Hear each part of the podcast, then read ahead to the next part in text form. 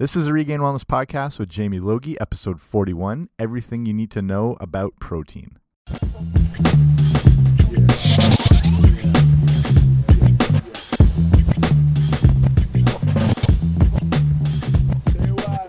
Hey guys, what's happening? Welcome back to the podcast. I'm Jamie Logie. I run regainedwellness.com. This is the Regained Wellness Podcast, so thank you for joining me here today. Just to start off, this show is sponsored by Red Revive, which is an all natural, plant based energy supplement. I use it before hockey, I use it before workouts, I use it before hiking. It gives you a good combination of uh, detoxifying effects, boosts your energy, helps revive like I said, all natural ingredients in it and all completely certified organic uh, plant-based ingredients that are that make up this whole product. So if you want to learn more or get some for yourself, if you go into the show notes today, which is regainedwellness.com slash zero four one, you can click the link there and get 30% off your own to start enhancing your own energy. So right now in Canada is the May long weekend. It's our Victoria Day long weekend, which we call the May 2-4 weekend, which Canadians understand what that reference means. So everyone who's a fellow Canuck, hope you're having a good one. Uh, last night was the season, or sorry, series finale of Mad Men, which is one of my favorite shows. And I promise this is a spoiler-free zone, which hurts me to not talk about this episode. But I thought it was brilliant. Anyone, if you want to tweet me, write me anything about this, I'll talk Mad Men all day. I thought the finale was perfect. Everything how they did, and Don's, uh, yeah, spoiler-free zone here curse you people for not watching soon enough, but it's okay. We can talk anytime. So today we're talking about protein, which is a kind of misunderstood, complicated subject for a lot as far as people don't know how much they need, where they should get it from, the benefits that come from protein. Um, I'm going to break it all down here for you in this episode, so I think you'll find this very helpful. Okay, when you ask the average person, why do we need protein? everyone knows we need it, but why do we need it? It's usually people answer it helps to build and repair muscle. So that's obviously part of it, but there's a whole lot more that goes into how important this um, nutrient really is, this macronutrient. That's along with fats, carbohydrates, and technically water. That's what protein is. It's a macronutrient. They're they're essentially nutrients that provide calories or energy, and we need these nutrients for growth, metabolism, whole lot of other bodily functions. We call them macro in that they are large and we need them also in large like quantities. So what makes up protein? So I want to get a little technical here, but it's just going to give you a better understanding of the whole protein issue.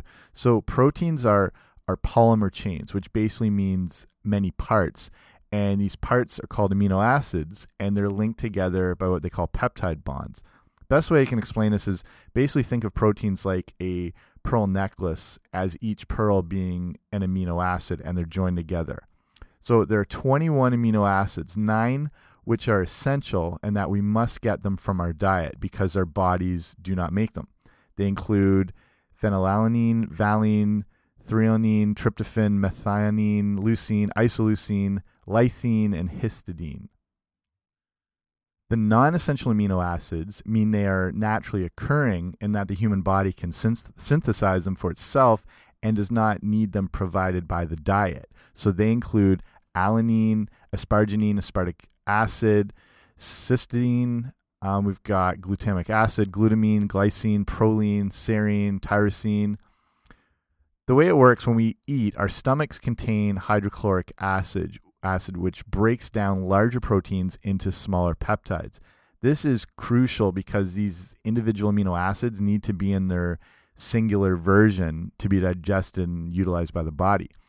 The proteins need to be in their individual amino acid form by the time they reach the small intestine. So, this is where the real digestion takes place. When we talk about the gut and you know refer to the gut, that's what we're actually talking about. That's the small intestine where majority of digestion and absorption takes place. If peptides of three or four amino acids still remain together, it is in the small intestine that they will be finally broken down into those individual amino acids. The individual amino acids are then truly absorbed by the gastrointestinal tract for the various functions required by them for the entire body. So that's more or less a quick breakdown of the process of how the proteins are broken down in the body. So main reasons why do we need protein? So, what are some of the functions that the amino acids and the proteins are involved with? So, you've got a few here. You got, first off, growth, especially in children, teens, and pregnant women. Protein requirements are huge for those categories. Um, also, for tissue repair, you know, that's building and repairing muscle. Immune function is a huge part of why we need protein. Protein also makes essential hormones and enzymes it can be people mistake protein as an energy source. It's not actually an energy source, but it can be when carbohydrates are not available through a process called gluconeogenesis, which is essentially taking protein and converting it into glucose. But it's a step, it's kind of a last resort for your body. It takes a lot of, of work to go through this process. Protein, another reason why you do need it is it helps to keep you fuller for longer and also it preserves lean muscle mass for those wanting it, those who already have it. Something you do want to make part of your goals in, in whatever capacity you are. If you're an athlete, if you're the average person, you do want more lean muscle mass on your body as it helps to keep your natural metabolism high. Um, even just from a, a superficial standpoint, that the more lean muscle you have, the less body fat you will potentially have, and it will change the appearance of your overall body shape. As you know, lean muscle doesn't take up as much room. It gives you more of a a better look, a better physique. There, these are some very key areas, obviously, that protein is obviously essential for. It's not just about that building and repairing muscle. It's it's completely critical for overall health and wellness. Besides water, proteins are the most abundant kind of molecules in the body. It's found everywhere, actually everywhere. It's in every cell in the body and it's the major major structural component of all our body cells. Along with the obvious like in muscles where we find proteins, it's also found in specific areas like body organs, it's found in skin, it's found in hair. It's proteins needed to form blood cells and when they are broken down into amino acids, these uh, blood cells can be used as precursors to some important things like nucleic acid, coenzymes, the hormones we mentioned, immune response, which is very crucial, cellular repair, and a lot of other molecules that are essential for life. So it's not, protein isn't just geared around having, you know, sweet guns and, and big pecs. It's essential for your life. So, where is protein found? Once again, there's a few categories here. You got complete and non complete proteins. So I'll break this down again. This confuses some people, I've been finding. Complete proteins have all those nine essential amino acids that we require, and we generally find this in things like meat, fish, poultry, milk, eggs, but it is in some vegetarian sources. You can find um, complete proteins in things like chickpeas, black beans, pumpkin seeds, cashews, cauliflower, quinoa, pistachios, um, think of turnip greens, black eyed peas, soy. It's available in that. It becomes a little tougher for vegetarians to find these complete proteins outside of that list I just gave you. You can combine incomplete protein types of foods together, but you're not going to know for certain if you're getting that full range of the amino acids. So it, it, it is possible. There are some good sources here, like I just listed off, but it, it becomes a little bit of a challenge uh, for for vegetarians. So, big question: How much protein do we actually need? As usual, this the answer is it varies. It depends on a lot of things. It depends on how active you are. Depends on your amount of lean muscle mass. If you're a male or if you're female, try and narrow it down a little bit here, though. First off, if you are sedentary and that you do very little activity, you maybe sit at a desk all day, the rule of thumb roughly is around 0.8 grams of protein per kilogram of body weight. And that equals out to around 0.36 grams per pound of body weight.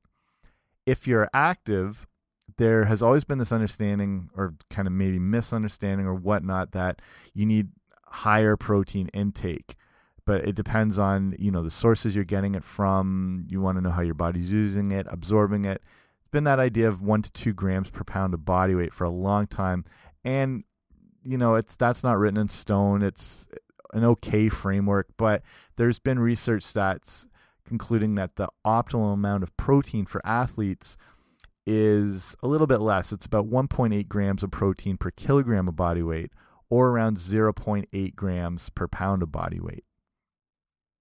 Some really interesting research at uh, Mark Sisson from Mark's Daily Apple looks at a lot of different studies involving the different protein requirements for different situations. And I'll link some of that stuff up on the show notes today, which is again regainedwellness.com slash 041.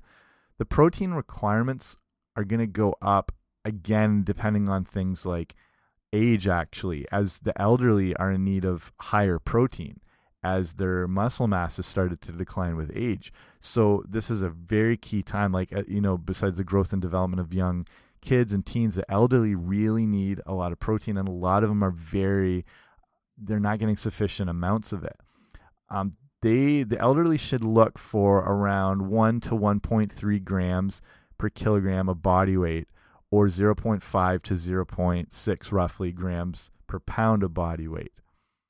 Another category where protein requirements are actually very higher for injured people. So whether it's you're coming off, you know, minor injuries to very significant surgeries, if you have wounds to heal, if you're rebuilding lost or damaged tissue, protein requirements are quite big. So you're going to be looking around 1.5 grams per kilogram of body weight or close to 0.7 pounds of body weight. This is sort of an obscure thing. I was just, I don't know where I was reading this up on the other day. Uh, former Blink 182 drummer Travis Barker, I don't know if anyone's fans of music, drummers, stuff like that, but I've been a drummer my whole life. So he, a few years back, had a horrific um, plane crash. It was a private jet. They were flying him and um, the now late DJ AM with some of their security and their personnel, whatever, were flying for a gig in a small private jet, which crashed off of one of the airports, I think in what whatever in Vegas, and it killed the all the members on the plane and the crew and everything except for Travis Barker and DJ AM, and he Travis Barker ended up having almost a large majority of his body burnt and they had to do huge amount of um, skin grafts on him basically almost like rebuild his body and he was a vegetarian and had been they've been finding was not getting enough protein in his diet so during his healing phase he had to really bump up like actually start consuming um, good meats and protein animal proteins just to get that large amount because his healing was was so strenuous on the body. He needed so much raw material to help rebuild himself in conjunction with the the work of the hospital and everything like that. So just an example off the top of my head, I just saw something on Travis Barker the other day and remembering his huge ordeal he had to go through.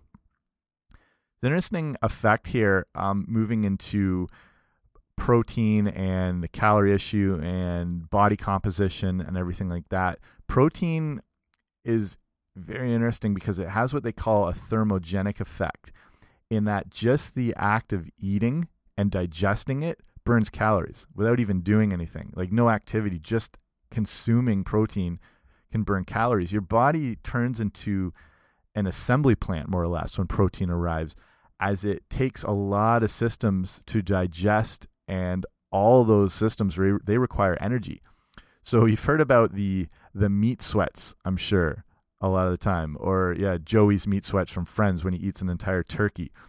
And if you've had that yourself or you've observed that in others, it's showing you that thermogenic response. That's what the meat sweats are. Usually around 10% of the energy in the food you eat is used just to digest and process that food.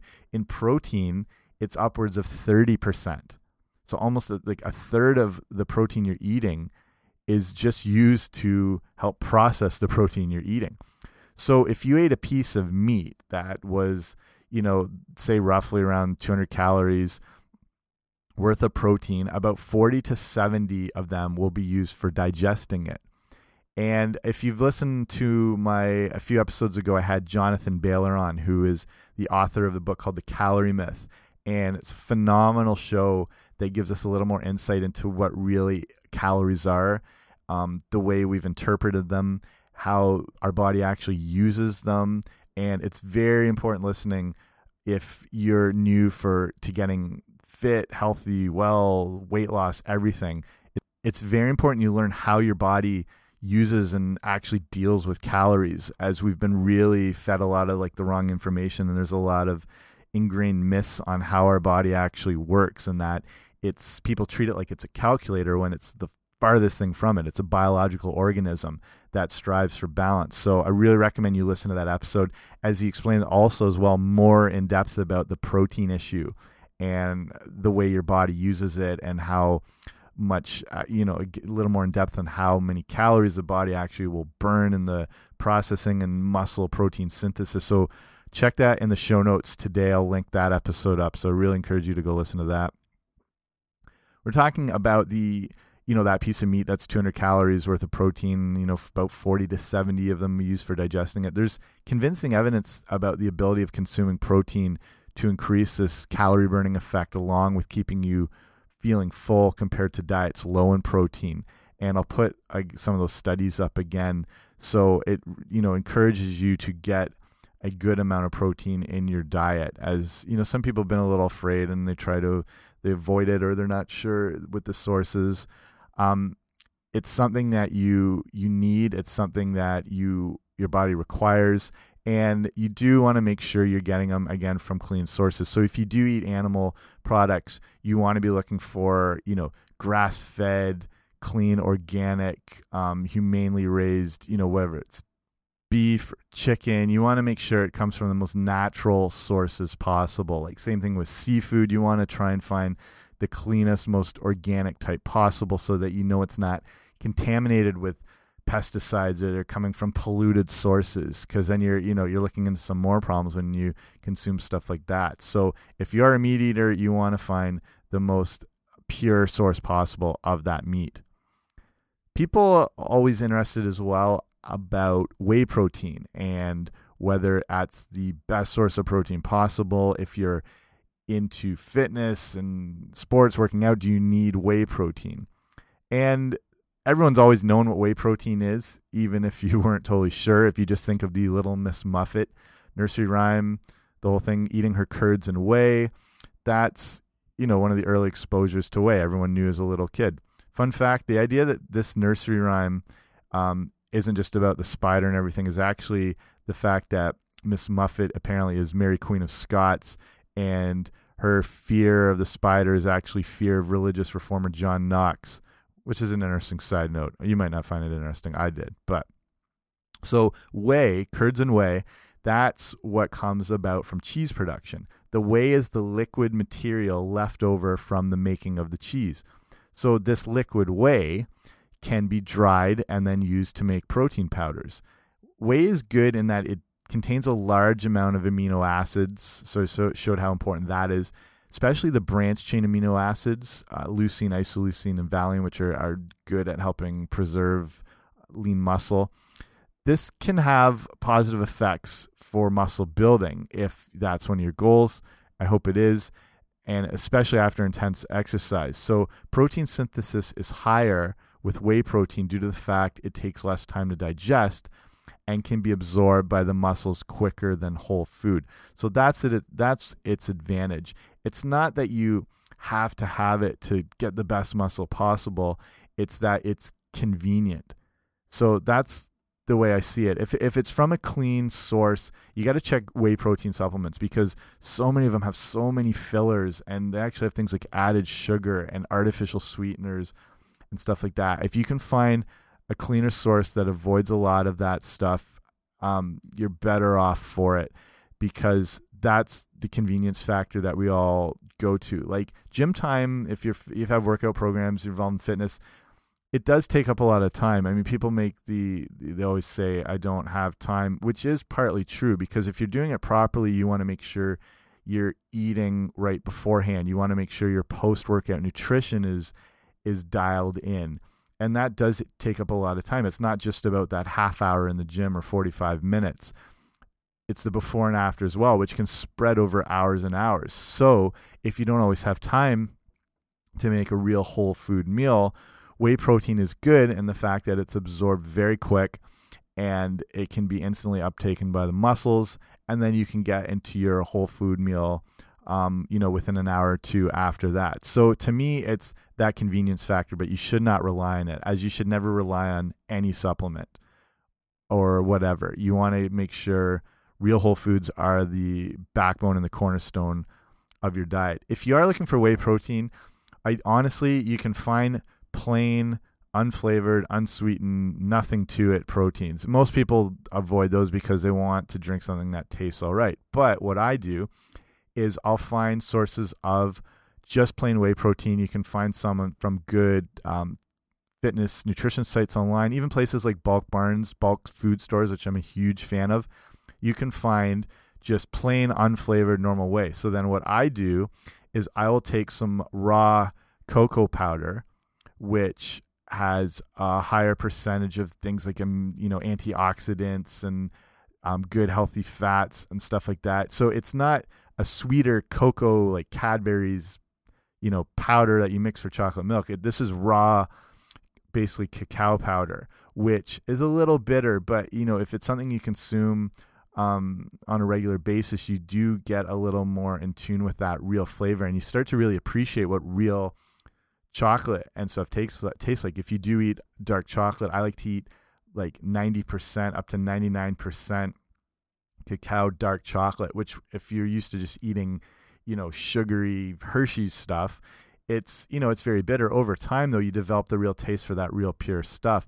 So I'll mix that in just with the whey protein just to give it like uh, actually give it a little more nutrition as well as a little more of that flavoring. So that's something I do. So if you're looking into whey protein, I would say that's a good route to go. Just go for the plain, pure stuff. Unless you can find a, a commercial brand that doesn't use too many additives. Like I said, look out, avoid artificial sweeteners, all that stuff. Because some of these companies, whatever, they just pack so much crap into some of these proteins that really don't you don't need them. So that's my tip on on the whey protein.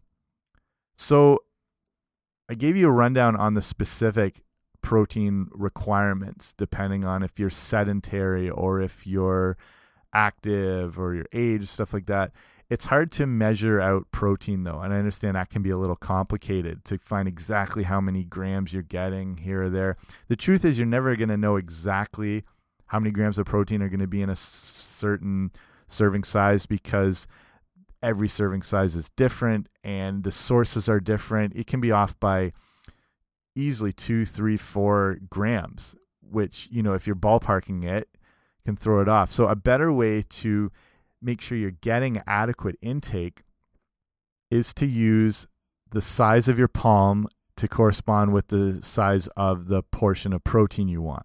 So, this is not an exact science, but you want to be aiming so at each meal you want to be aiming for a portion of protein that is around the size and the width of your palm. So this is a, a good go-to to make sure you're getting the amount of protein that's specific to your body. As you know, say men tend to be bigger than women and they tend to have bigger hands and palms and that translates nicely into the protein requirement they should get.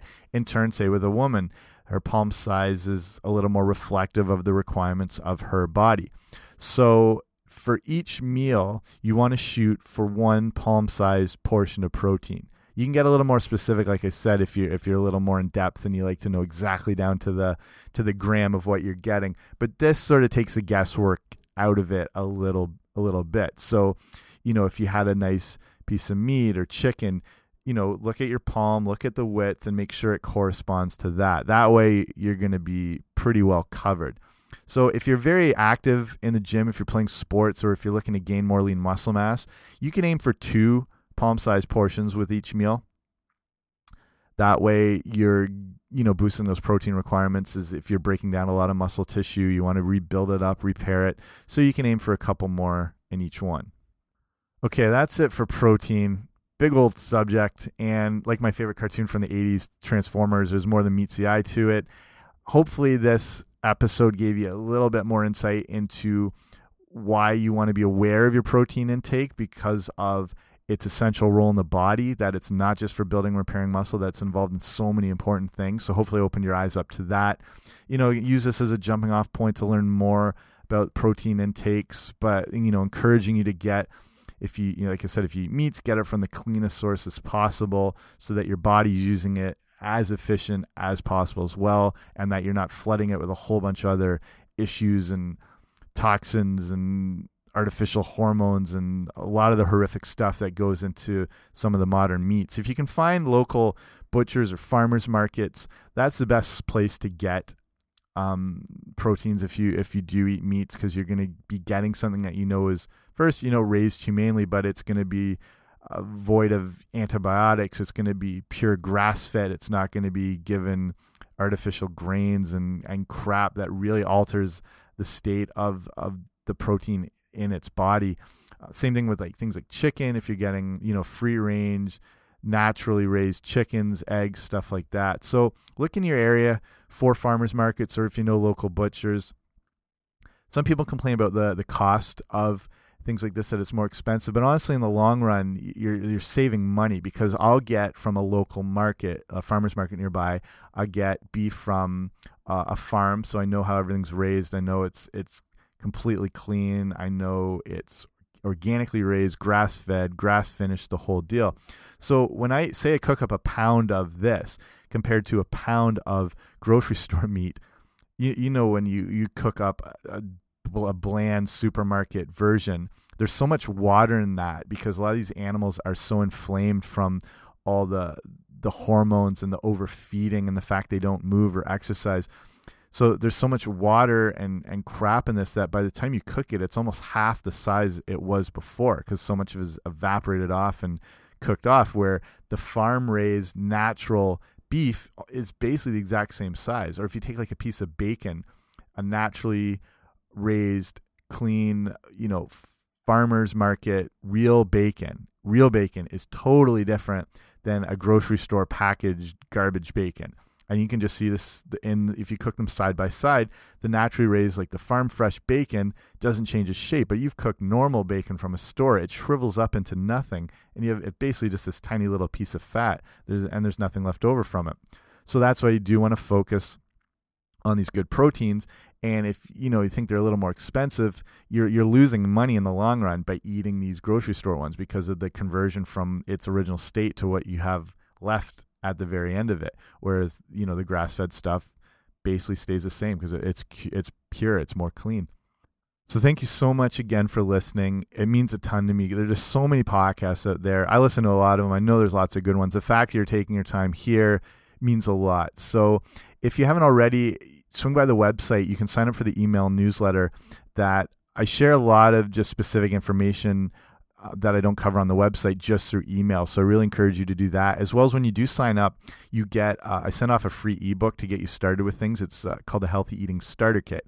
And it gives you a little more information on foods you want to be including, things you want to avoid. It's got a few recipes, hooks you all up, gets you get you off and running. So you can find that on the website. You can sign up on the the main page. There's a form there, but you can also see it on regainedwellness.com/guide. So once you get your email in there. It's sent off to you and uh, get you rocking and rolling. So thank you for joining me today. Remember, in your pursuit of health, wellness, your nutrition, the whole process, it's always, you know, it's not going to be perfect. It's going to have its ups and downs. You're going to struggle here and there, but that's normal. It's going to happen. The idea is that you want to still be moving forward.